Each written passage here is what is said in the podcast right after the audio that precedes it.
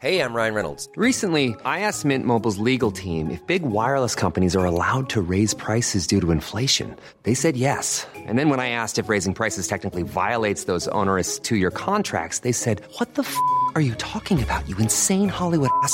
F- So to recap, we're cutting the price of Mint Unlimited from $30 a month to just $15 a month. Give it a try at mintmobile.com slash switch. $45 upfront for three months plus taxes and fees. Promo rate for new customers for limited time. Unlimited more than 40 gigabytes per month. Slows. Full terms at mintmobile.com. Jewelry isn't a gift you give just once. It's a way to remind your loved one of a beautiful moment every time they see it. Blue Nile can help you find the gift that says how you feel and says it beautifully with expert guidance and a wide assortment of jewelry of the highest quality at the best price. Go to BlueNile.com and experience the convenience of shopping Blue Nile, the original online jeweler since 1999. That's BlueNile.com to find the perfect jewelry gift for any occasion. BlueNile.com. Hey there, it's Michelle Norris. I'm host of a podcast called Your Mama's Kitchen. When I travel, I'm usually looking for a way to find a taste of home when I'm not at home. And one of the things I love to do when I am at home is entertain. And Airbnb allows me to do that. When I was in California recently, I rented a house that had a great kitchen. And when we were sitting around the table, we're all thinking, we're in someone else's house. Someone could be in all of our homes as well. If you have a home, but you're not always at home, you have an Airbnb. Your home might be worth more than you think. Find out how much at airbnb.com/slash host.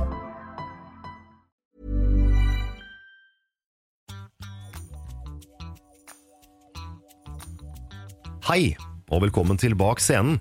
Jeg heter Trond Harald Hansen, og i denne podkastserien skal jeg finne ut hva som skjer på baksiden av norsk showbiz-bransje. Jeg prater med skuespillere, artister og produsenter.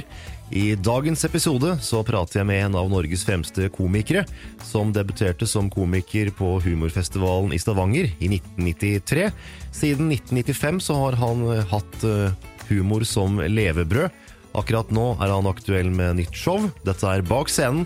Her er Hans Morten Hansen. Bak scenen med Trond Harald Hansen. Hvordan er det man finner ut at standup, det er det jeg vil holde på med? Det var heldigvis ikke jeg som fant det ut. Det var andre som fant det ut for meg. eh, For, for eh, snart 25 år siden, faktisk. Jeg har 25-årsjubileum som komiker i februar neste år, eh, siden debuten. Så var det mine venner rundt meg som fant ut at dette bør du prøve. Jeg var han som var gøy på fest, jeg, på nachspiel. Det var jeg som holdt koken på nachspiel. Eh, og har alltid hatt en veldig sceneskrekk, basert på litt uheldige erfaringer på barneskolen og sånn. Og uh, tenkte scene passer ikke for meg. Men Stavanger, Stavanger er en sånn revyby. Veldig mye revy i Stavanger. Og uh, de, mine nærmeste venner var veldig involvert i det, både på skoleteater og så i diverse revyensembler etterpå det. Og så, når den første humorfestivalen ble arrangert i Stavanger i 1993, så fant jeg ut at dette skal jeg være med på. På sånn åpen mikrofongreie på, på Kafé Sting i Stavanger. eh, Og dette fant de ut uten å informere meg. Å ja, Ja, akkurat. så jeg ble på en måte bare kasta rett inn i det. Jeg skulle, eh, jeg skulle ned og se på et show, så viste det seg at deler av det showet var meg. Eh, Men så gikk dette heldigvis ganske greit, og så det, begynte det å snøballen å rulle, og så har han rulla siden. Så jeg slapp å finne ut av det sjøl, heldigvis. Outsourca den eh, biten til, til andre. Hva var det du holdt på med før standup, da? Du, jeg var ansatt i et veldig stort amerikansk oljeselskap jeg, i eh, 13 år. F- Før de begynte å stille spørsmål om eh, hva, hva er det du gjør her, liksom. du kan si, jeg, så, jeg så nedgangen i oljebransjen komme 20 år før han kom. da. Det er bra. Um, så Som sagt så debuterte jeg da som komiker i, i februar 93, og slutta å jobbe, eller sa opp jobben min eh, i samråd med ledelsen for dette firmaet i desember 95. Så siden det har det vært fulltid standup. Var det et uh, enkelt valg å ta? Ja, det var veldig enkelt for min del. Eh, jeg tror det var mye tyngre for eh, omgivelsene mine. Min far blant annet fikk jo epilepsi når jeg kom hjem og sa at jeg hadde sagt opp jobben min og skulle leve av dette. For han mente det eneste trygge i verden var en, en eh, solid jobb i et solid firma. liksom. Det var det beste i verden. Jeg, eh, Oljebransjen. Ja, jeg så litt annerledes på det, og angrer ikke på det. Pluss at jeg fikk jo en sånn sluttpakke, da. eh, som, så jeg hadde en sånn liten økonomisk sikkerhetsnett, for å kalle det det, sånn at jeg kunne prøve dette. Og filosofien min var jeg vil heller prøve det og angre på at jeg prøvde, enn å sitte med noen og angre på at jeg ikke prøvde i det hele tatt. Eh, Og jeg har jo aldri sett meg tilbake. Og det jeg en gang kunne, eh, sånn fagmessig eh, i, i oljebransjen, det er jo ikke relevant i dag i det hele tatt. Så, sånn sett så gikk jeg på rett tid, altså. Men du har jo da vært med helt siden omtrent standupens barndom. Det har jeg. Ja. Hvordan var den da? Den, den var litt mindre strømlinjeforma enn den er i dag. I dag er jo Uh, forholdene helt annerledes på mange måter. Altså, jeg, synes, jeg synes, Hvis du ser på ordet showbiz, så er det et veldig artig ord. sant? For det er show, men det er òg business. da. Det er jo forretning, vi lever jo av dette. Det er jo, det er jo jobben vår. Uh, og, og starten var jo de, si, de første syv-åtte årene var, var rufsete, for å kalle det det. da. Eh, og vi reiste jo en del rundt og opptrådte på merkelige steder, og, og du snakka gjennom et bilstereoanlegg og sto på en ølkasse i et hjørne og var liksom pauseklovn, da. Eh, og nå er det jo veldig organisert og strømlinjeforma, og, og eh, veldig mange av oss farter jo rundt med egne forestillinger osv. Så, videre, og så, så nå er det jo Det var Thomas Giertsen egentlig som satte standarden for det, de må liksom opptre i Olavshallen og store kulturhus og, og sånne ting. Men nå er det flere, flere og flere av oss som gjør det, da. Men jeg syns òg det er veldig greit å så en gang iblant eh, sette fingeren i jorden litt, grann, og så opptre på et sånn skikkelig brunt, lurvete sted, altså, bare for å vite hvor du kom ifra. Hvor du bare skraper i Ja, alt er helt, feil, eh, liksom. Alt er feil. Ja, det er jordfeil, og det alt, alt er gale. Og publikum er egentlig bare der, for det er det stedet i bygda som selger øl. De, de har ikke så stor interesse av hva du holder på med. Så eh, det har jo forandra seg eh, veldig. Eh, Men det som òg er kjekt å se, er jo at når vi begynte da i 3-94, så er det jo en del av de som var med på, på turen da, som fremdeles er aktive og har funnet ut av det. Så det er litt gøy, da. Men standupen starta vel andre steder før den eh, Ja, det, den- det var jo veldig, veldig stort i USA og England osv. Og, så videre, og, så eh, og, og mange av de store amerikanske komikerne og britiske komikerne den gang var jo våre forbilder, selvfølgelig. Sant? Så det ble jo både rappa tekster mimikk og fakta opp fra de, da. Eh, og det er jo ikke noe å legge skjul på, men de har jo aldri fått vite det. Men uh, det, det, begynte sånn skikkelig å ta av i Norge Kanskje sånn 7-8-90 var det. Da var det god trøkk i det, altså.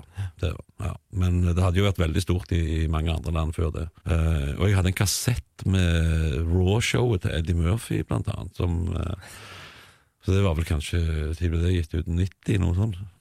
Før det kanskje òg. Ja, 88, jeg husker ikke. Men det var i hvert fall Den var gull, altså. Og det vil jeg tro det. Ja, jeg håper jeg har den ennå plass. Han ligger sikkert i en kasse på loftet, Ja. men uh, den er sjelden. Men når du da blei sjølstendig i 95, hva er liksom det første oppdraget da? Hva er det man tar tak i? Det er jo òg litt interessant å se tilbake på, da, for du har jo, du har jo skikkelig prostituert deg opp igjennom, altså. Eh, av, av mange grunner. Som, som regel økonomiske årsaker til at du, du er med på hva som helst. Og det å kle seg ut som sjørøverkaptein med en uh, utstoppa papegøye på skulderen og eh, prøve å underholde eh, folk på en ferge inne i Lysefjorden, det, du har gjort det òg, liksom. sant? Men som sagt, tidene har jo endra seg. da. Det, det, det ble gjort mye rare jobber uh, da, in, back in the day, men uh, nå eh, etter hvert så har du det privilegiet du kan si at vet du hva, nei, det er jeg faktisk ikke interessert i å gjøre. Nei. Eh, men som sagt, det er av og til veldig interessant å gjøre en sånn skikkelig brun pub, altså, bare for å eh, kjenne litt på det. Det syns jeg. Begynne helt igjen, på start? Begynne, begynne på null igjen, ja. Så se. Men eh, det, har vært, det har vært fryktelig mye, og, og uh, hva si, standup ble jo Det var jo ofte synonymt med, med fest og moro og rock'n'roll og jo brunere, jo bedre, liksom. Men, men eh, nå er det veldig renslikt. Altså, nå er det, blir det stilt veldig mye krav til arrangører osv. for at at eh, de i hele tatt skal få besøk og sånn, så det, det er klart det Med tanke på at det er levebrødet vårt, så er det jo det helt greit, det, altså. Ja, for Man har jo hørt eh, rykter om at helt i starten så var jo, var jo egentlig bare standup pauseunderholdninga Ja, i det. alt mulig annet rart. da. Ja, ja. Så eh, altså hvis, du, hvis du er på et eller annet sted eh, hvor det er et band som spiller til dans, og når de skal ha pausen sin, så er det din tur. Så du, du trenger ikke være NASA-ingeniør for å skjønne at eh, når folk har danset i halvannen time, og sånn, så er de ikke interessert i å sitte og høre på en eller annen løk som skal stå der på scenen og være dyp og underholdende. Liksom. De, da er de på fest, da. Eh, men de oppdragene er heldigvis sjeldne nå. Det er. Velger jo, velger jo i stor grad sjøl hva man har lyst til å gjøre det. Ja.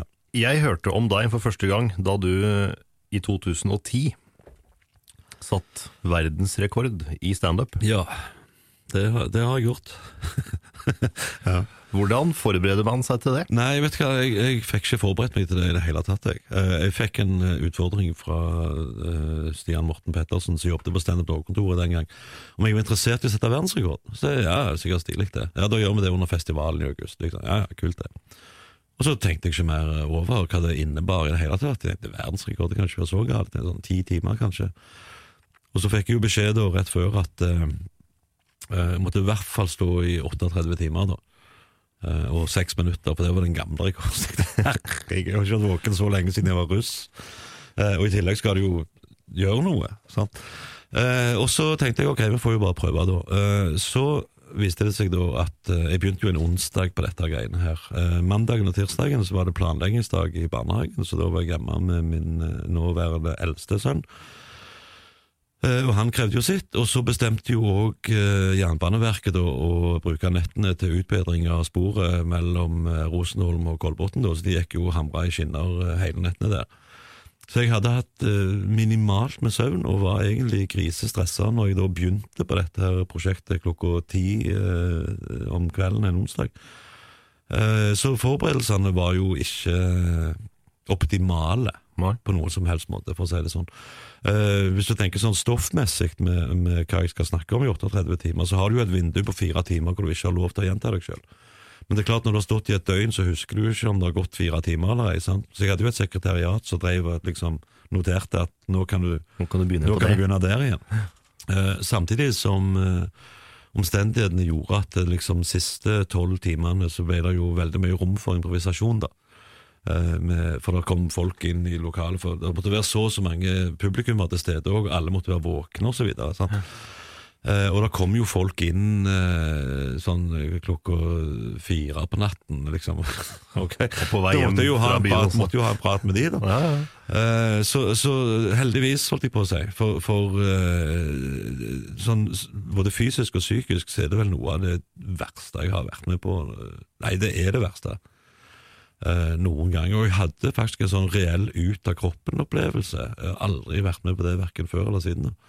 Men jeg står ved siden av meg sjøl og tenker du må, du må gå hjem nå. Du, du er helt ferdig, liksom. Mm. Jeg fikk problemer med balansen. Stemmen var jo helt uh, fucked. da. Og uh, den, det har jeg for så vidt ennå. Det er mye lyder jeg kunne lage før som jeg ikke kan lage nå. Da. Men det har kommet noen nye inn òg, for så vidt. Men eh, jeg, var, jeg var jo helt vekke. Jeg hadde heldigvis lege med meg, da, doktor Bergland. eh, Jonas Bergland, en god venn og kollega som var med på dette. Så han sjekka jo de vitale tegnene og, og blodtrykk osv. Og, så videre, og, så og han sa jo, når jeg var ferdig, da, at uh, hvis ikke du hadde stoppet nå, så hadde jeg stoppet deg, sa han. For det, det var helt uforsvarlig.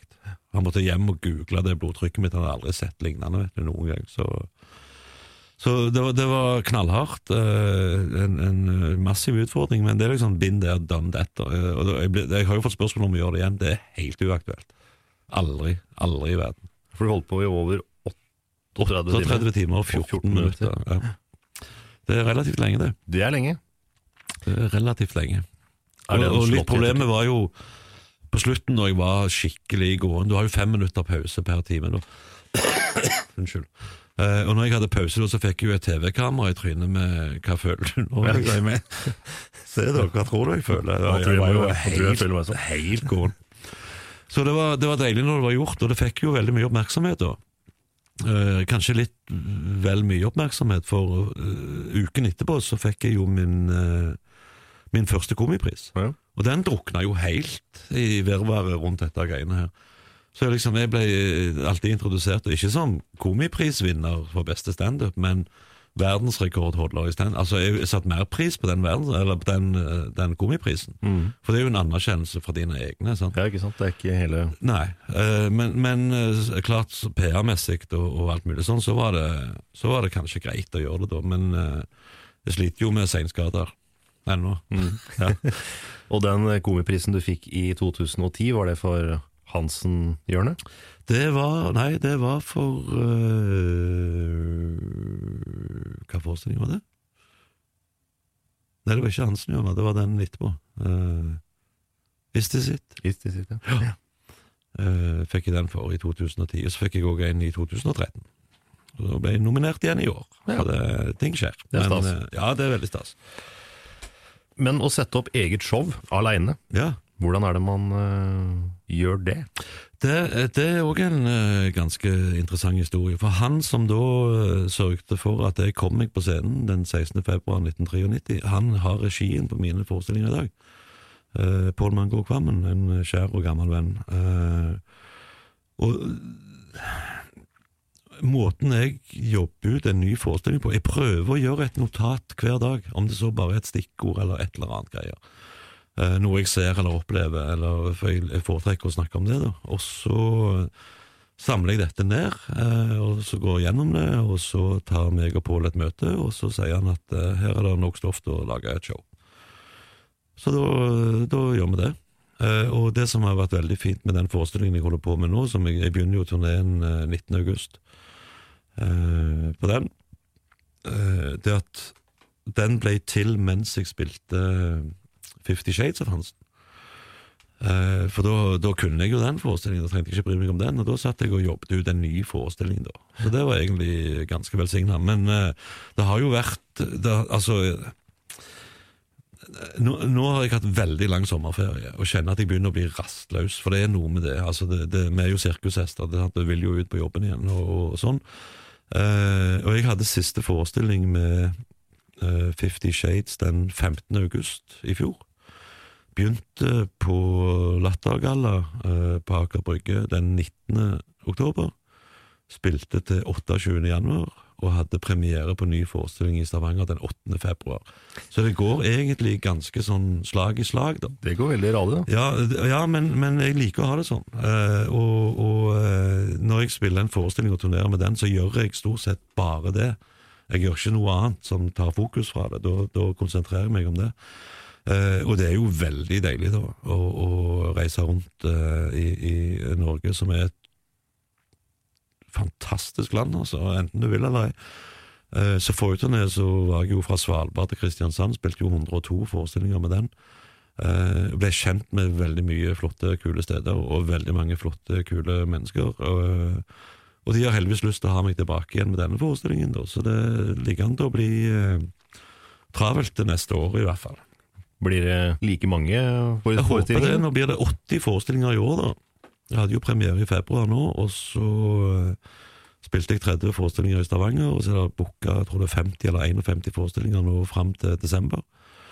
Og så har vi begynt å booke eh, januar og februar. Og så eh, får vi se, det dukker jo opp litt andre ting innimellom òg, da, som eh, Men eh, målet med den, denne turneen her er i hvert fall en 130 forestillinger, tenker jeg, noe sånt. Så det skal vi få til. Ja. Hva er det med standupere som nesten åpenbart har et veldig annerledes syn på veldig mye enn det de, de som ikke er standupere har? Ja, nei, altså Det der kan jo være både en velsignelse og en forbannelse, det. Eh, men, men jeg tror mange av oss har evnen til å se eh, ting i sin absolutt ytterste konsekvens. Eh, for det kan være jeg, altså, jeg, jeg liker veldig godt å snakke om om egentlig helt hverdagslige ting. Det er veldig sånn Seinfeldsk egentlig i, i bånn, eh, med at det er de små tingene, da, eh, som hvis du gidder å se det, så ofte kan bli fryktelig store, da. Eh, Så jeg begynner ofte med en sånn helt vanlig dagligdags hendelse, og så eskalerer den veldig. Eh, og alt det jeg snakker om har jo eh, en, en kime av sannhet i seg. Det er jo noe jeg har hørt eller opplevd eller vært med på eller sett. Eh, Så vi trenger ikke gå så langt for å finne ting å snakke om, egentlig. Nei. Og så bare baller det på seg. Andre kan se samme situasjon og tenke å ja, og så er det ikke noe mer. Men jeg prøver også å se beyond det, liksom. Eh, Og da er det ganske mye For eksempel Ikea. For eksempel Ikea. Det har jeg særdeles anstrengt forhold til Ikea. Det har jo Ja, eh, det har jeg gitt uttrykk for. Og, og det må også sies at den Ikea-greia, den har jeg ikke gjort siden eh, 2009. Oh. Eh, veldig mange vil høre den. men men eh, utfordringen er at for det første så er den ekstremt kraftkrevende. Da. Jeg puster jo ikke på fire minutter, det går jo liksom i ett bankende kjør. Eh, det, det er flere millioner, tror jeg, som etter hvert har sett eh, den greia der. Og de kan den bedre enn meg, på en måte. Skjønner du? Så fallhøyden er så ekstremt stor. Eh, Og det, og det går litt på det samme som vi snakket om med, med den der verdensrekorden, det blir aldri gjort igjen. Uh, på grunn av at fallhøyden er så jækla stor. Hvis jeg som en gammel mann nå, plutselig, det er jo syv år siden jeg gjorde dette idiotigreiene, eh, plutselig må gi meg etter 18 timer, så er jo det bare dritflaut. Ja, det blir jo det. Ja, det gjør jo det. Altså, Da går du fra topp Ryan Reynolds her fra Mint Mobile. With the price of just about everything going up during inflation, we thought we'd bring our prices down. So to help us, we brought in a reverse auctioneer, which is apparently a thing. Mint Mobile unlimited premium wireless. Ready to get 30, 30, bit to get 30, bit to get 20, 20, 20, bit to get 20, 20, bit to get 15, 15, 15, 15 just 15 bucks a month. So, Give it a try at mintmobile.com slash switch. $45 upfront for three months plus taxes and fees. Promo rate for new customers for limited time. Unlimited more than 40 gigabytes per month. Slows. Full terms at mintmobile.com. Wow. Nice. What you're hearing are the sounds of people everywhere putting on Bombas socks, underwear, and t-shirts made from absurdly soft materials that feel like plush clouds. Yeah, that plush. And the best part? For every item you purchase, Bombas donates another to someone facing homelessness. Bombas. Big comfort for everyone. Go to bombas.com slash ACAST and use code ACAST for 20% off your first purchase. That's bombas.com slash ACAST. Code ACAST. Da rett i bånn. sant? Så det er derfor, nei, been there, don't that, ferdig med det. liksom. Ferdig med det. Og det samme med Ikeaen, da. Uh, men det kom jo en ny Ikea-greie året etterpå, da, med, for jeg ødela jo armen min på Ikea. Oh, ja. Ja, som en, som en konsekvens av verdensrekorden. da. Eh, For da hadde jeg jo stått med armen i vinkel og holdt i en mikrofon i, i eh, 38 timer, og, og den muskelen var jo helt uh, gåen uh, i biceps. Og så var jeg på Ikea da, rett etterpå dette greiene her. Skulle løfte en kasse inn i bilen, og så ryker bicepsen rett av. Eh, var kun festa i skulderen, og så hele muskelen datt på undersiden av armen og hang her og blafra. Og det skjedde selvfølgelig òg på Ikea, da. så jeg har jo et eh, svært anstrengt forhold til det. da. Men er det da utgangspunktet Det er for det som vi ser på Nei, YouTube? dette, dette var, den var før. Det var før, Det ja. var før. Ja. Så jeg hadde et dårlig forhold til det i, i utgangspunktet. Det ble ikke noe bedre, Det ble ikke noe bedre. Eh, og den perioden så hadde jeg òg en fast, en svensk fastlege. Eller svensk afghaner, faktisk. Utrolig kul fyr. Uh, Abdullah Rasulzada, eller Abbe, som jeg kaller han. uh, og når jeg kom inn da med bicepsen hengende under armen, og viste han det, så sa han ja, men det er ikke helt uvanlig for eldre folk, det, sa han, at det skjer. Så han sa du skal være glad du driver med det du driver med, eh, at du ikke er tømmermann eller noe sånt, for da hadde du vært uføretrygda, sa han. Så, så eh, nei, Ikea, de eh, Men av til så må du jo bare det. Du må jo det, selv om Ja. det ikke er noe gøy. Så er, Det er ikke noe er- gøy. Eh, Ikea er skyld i, i, i mye elendighet. I likhet med religion. Mm. Så skylder på Ikea og religion. Men i tillegg til standup så har du også vært med på både teater, film og TV. Ja, Du har også vært oversetter. det har jeg òg gjort. Ja, eh, det òg var en litt sånn pussig historie. Altså, jeg, jeg har et veldig eh, avslappa forhold til veldig mye. Eh, og folk spør liksom ja, hva skal du gjøre neste år, da? Sier jeg nei, det dukker vel opp et eller annet. Og så gjør det veldig ofte det. Så i 2004 så spilte jeg min første rolle på, eh, på Rogaland Teater, et stykke som het Fugl Føniks. Og da fikk jeg i oppdrag å ha språkvask, som det kalles på det stykket. da. For det skulle omskrives til stavangerske forhold osv. Eh, og så gjorde jeg eh, Det var jo Hanne, Hanne Tømta, som, var, som er på Nationaltheatret nå, som var direktør for, for Rogaland Teater da. Eh, og hun var åpenbart veldig fornøyd med det som jeg gjorde der, og så uh, fikk jeg spørsmål om å oversette et stykke fra engelsk til norsk. Uh, og så gjorde jeg det, og så fikk jeg spørsmål om å oversette et stykke til, og så gjorde jeg det. Og så fikk jeg i oppdrag å oversette et stykke fra fransk. uh, Molières 'Misantropen', som er ekstremt uh, møkkastykke, for å si det rett ut. Og alt går på rim òg, sant. Uh, og jeg snakker fransk, men ikke, ikke, så mye fransk. Så jeg fikk heldigvis en dansk oversettelse, da. Uh, og bearbeida den, videre, og så. Så det er ofte sånn at du, du, gjør, uh, du gjør noe, og så er det noen da som i forbindelse med det så ser at ok, kanskje han kan gjøre det òg, og så utvider du da nedslagsfeltet litt. litt grann. og sånn som så dette med film og sånn òg er jo har jo òg vært veldig tilfeldig, egentlig. Uh, for meg og Otto Jespersen spilte jo sammen i, i uh, Trolljegeren i sin tid, som var en veldig kul greie å gjøre. Uh, og det var jo debutfilmen til André Øvredal, som nå har stor suksess både i Norge og USA. og jeg måtte jo snakke en dialekt som ikke var min, på grunn av at en av hovedkarakterene i filmen har jo stavangerdialekt. Mm. nå blir jo han riktignok spist av et troll da, i løpet av filmen, men, og en del av dialogen her er off kamera, så folk mente, regissøren mente at folk kan bli forvirra hvis de hører en Stavanger-dialekt, og han ikke er der, og så videre. Ja, ja. Eh, så derfor måtte jeg snakke en annen dialekt. Men det, det var for så vidt greit, det òg. Og så eh, Nei, som sagt, det, det ene tar det andre. Altså, og eh, med TV og sånn, så har du dette side om side-konseptet. Så jeg er jo blitt veldig involvert i etter hvert. Og der er jo Produsenten for serien er jo naboen min på Kolbotn. Oh, ja. ja. Eh, så, så, min del deltakelse der ble egentlig uh, avtalt over hekken. Da, over gjerdet, ja. uh, og det var første sesong, og så skjedde det samme i andre sesong. Liksom, og så har det da bare på en måte gått litt på seg, da. og nå begynner jo femte sesong om ikke så veldig lenge, så da, da gleder vi oss til det. Beste sesongen så langt. Er det egentlig Norges svar på Solsidaen? Det er Norges svar på Solsidaen og et par andre uh, serier. men, men allikevel så tror jeg vi har klart å finne uh, Nå sier jeg vi som at jeg er veldig involvert i prosessene rundt det, det er jeg jo ikke, men uh, vi har klart å finne noe som fryktelig mye folk kjenner seg igjen i. da. Vi hadde jo et snitt på rundt 1,2 millioner seere på hver episode forrige sesong, og det er jo veldig bra. da. Det er vel kun Nytt på Nytt som ligger over det.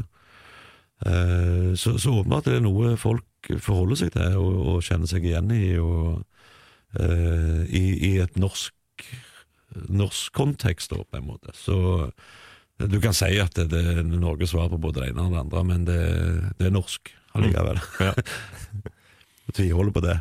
Du sa du snart hadde 25-årsjubileum ja. med standup, og det er ja. vel det også, hvis du begynte i 93. 93. Mm. Etter så mange år på veien, så vil jeg tro at eh, bortsett fra dårlig lydanlegg, så har du vel opplevd ut, utrolig mye rart? ja, det, det har jeg òg gjort. Nei, som sagt, de første årene øh, De første årene Akkurat hvilken periode det er veldig vanskelig å definere. For jeg begynte jo liksom å reise rundt sånn i 94-95, og så begynte det å skikke seg litt, og sånn nærmte seg 2000-tallet. Men Nei, det er klart det har vært mye rart, og, og, og uh, som jeg sa, altså noen, noen, steder kommer jo folk bare pga. at det er der de selger øl i bygda.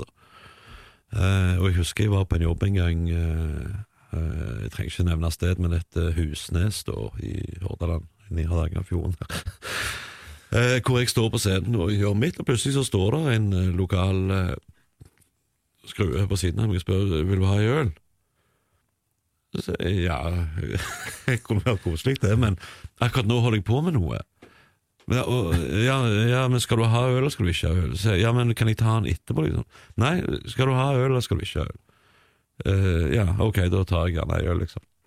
Uh, så, så, det at jeg sto på scenen og prøvde å gjøre en jobb, hadde ikke noe begrensning på hans gjestfrihet, for å si det sånn. Nei. Hadde ingen sperrer på å komme opp midt i ei greie og spørre skal spandere en øl på deg? Det er veldig hyggelig, da, for all del. Men, men, når du står der på scenen og holder på med noe, så er du jo ofte uh, på et slags bord. Sant? Du, du, Du skal helst ikke ha for mye som eh, forstyrrer deg eh, rundt deg, da.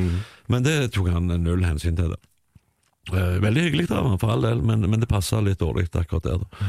Uh, og i 1996 så var meg og Dagfinn Lyngbø og Tommy Steine på turné sammen. Uh, og da fikk vi virkelig kjenne på at uh, det, det, dette er ikke helt på, helt på stell ennå. da, vi, begynte å bleike det lerretet, da, kan vi få si det sånn. Nå er det jo veldig ordentlig og ryddig og fint alt, men uh, det, var, det var en ekstremt spesiell uh, turné, da. Uh, jeg kan jo bare fortelle vi- vi skulle til Arendal og spille, blant annet.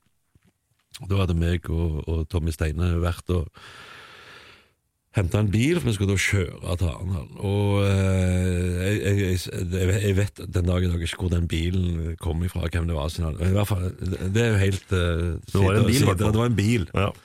Uh, og vi skulle da hente Dagfinn uh, borte i Prinsens gate, eller i et av de områdene der borte. Vi kommer kjørende opp ene veien, han kom gående ned andre veien. Og vi tuter, og han ser oss og vinker og går ut i veien, så blir han påkjørt. da. Og gå rett i asfalten, liksom. sant? Eh, og tenkte ok, det var en fin start på, på den turneen.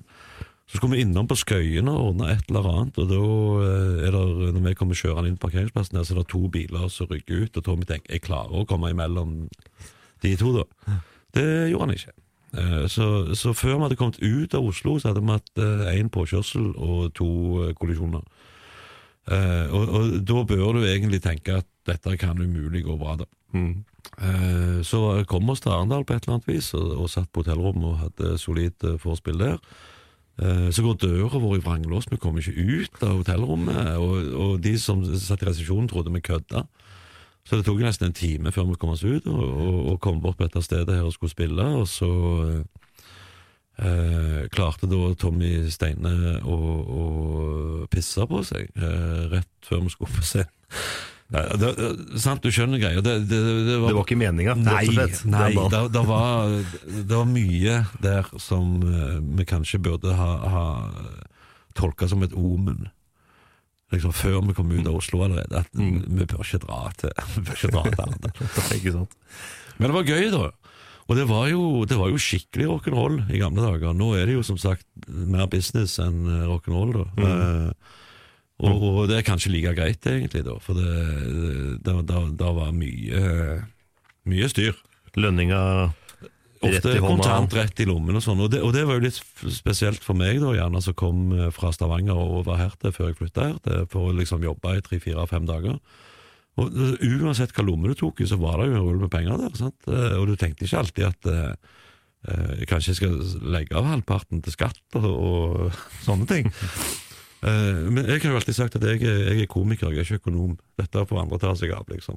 Eh, og det er jo ikke noe hemmelighet heller at vel, en del av oss i en periode hadde litt sånn uryddig regnskapsførsel, for å si det mildt. Og det har vi jo fått rydda opp i etter hvert, men.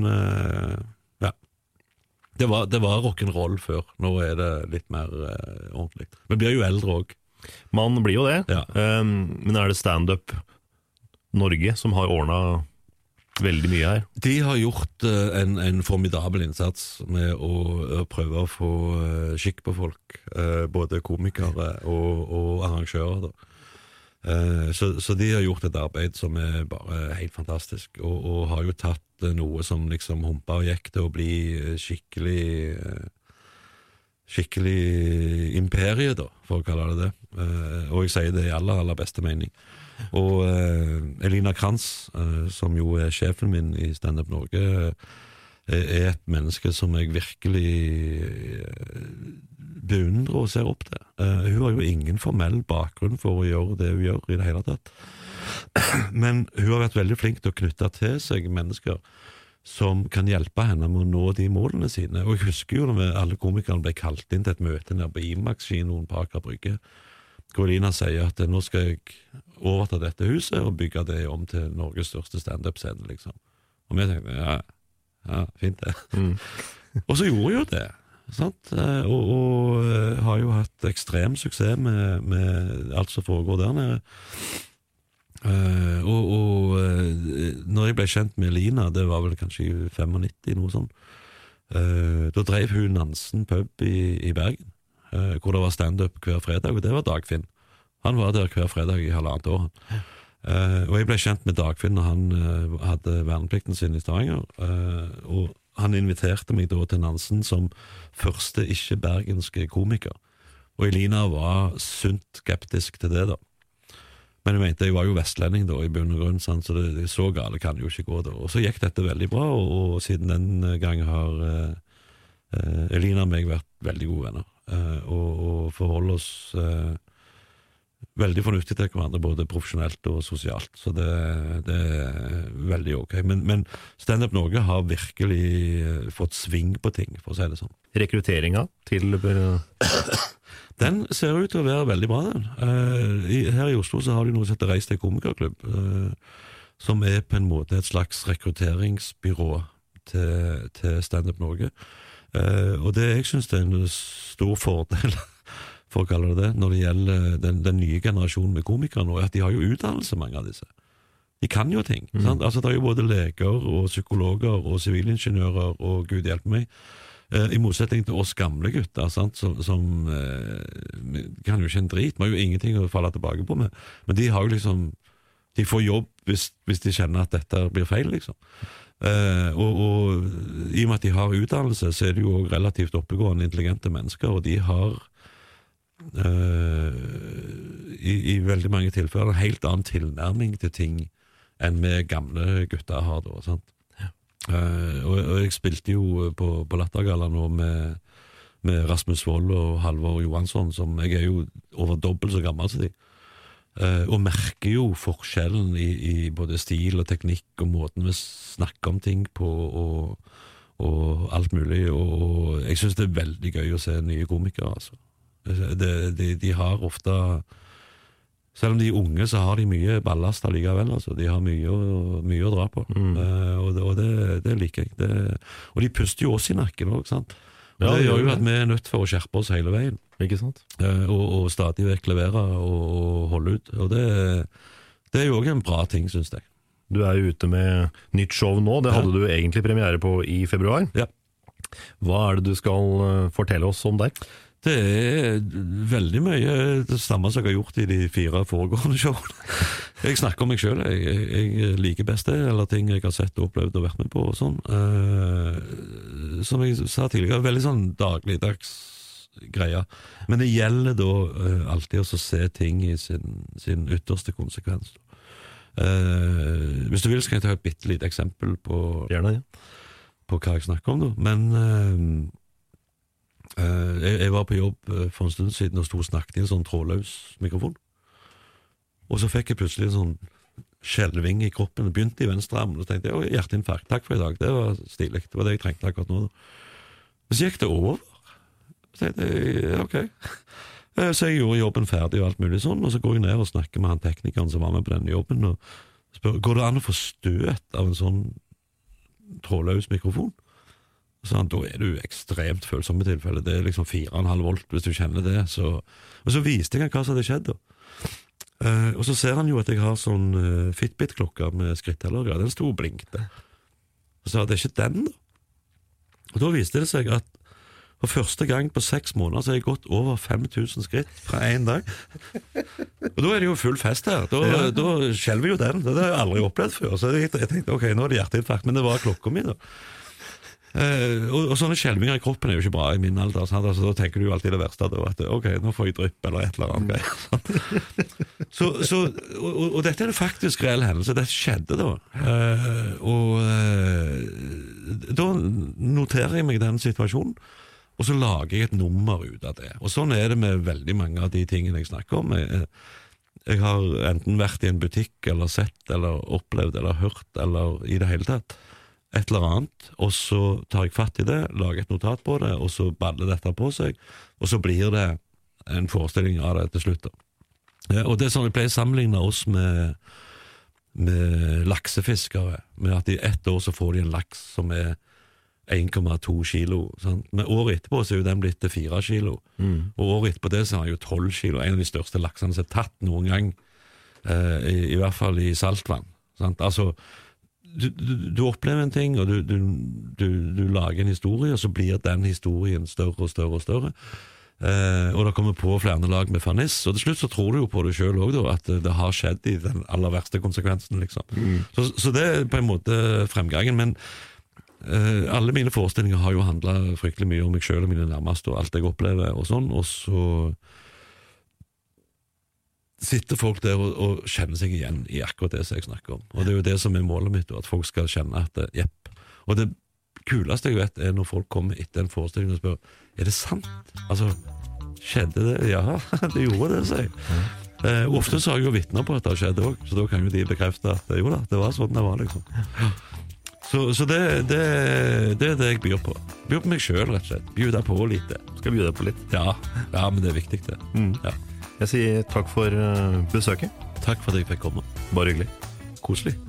Det var min prat med Hans Morten Hansen. Du har hørt podkasten Bak scenen. Podkasten som tar deg med på baksiden av norsk showbiz-bransje. Jeg heter Trond Harald Hansen, er snart tilbake igjen med en ny episode. Inntil videre finner du arkivepisoder både på iTunes og på radioplay.no.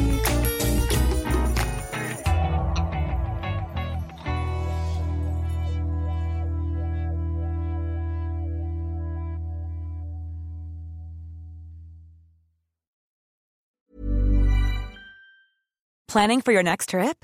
Elevate your travel style with Quince. Quince has all the jet setting essentials you'll want for your next getaway, like European linen, premium luggage options, buttery soft Italian leather bags, and so much more.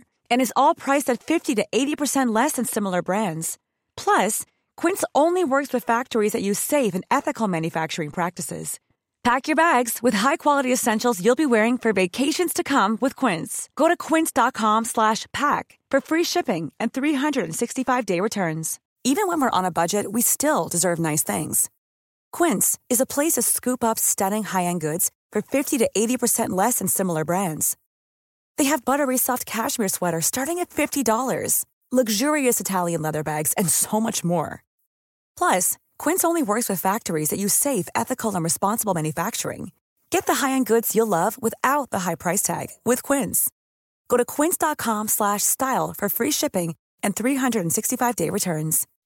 When you make decisions for your company, you look for the no-brainers. If you have a lot of mailing to do, stamps.com is the ultimate no-brainer. Use the stamps.com mobile app to mail everything you need to keep your business running with up to 89% off USPS and UPS. Make the same no-brainer decision as over 1 million other businesses with stamps.com. Use code PROGRAM for a special offer. That's stamps.com, code PROGRAM.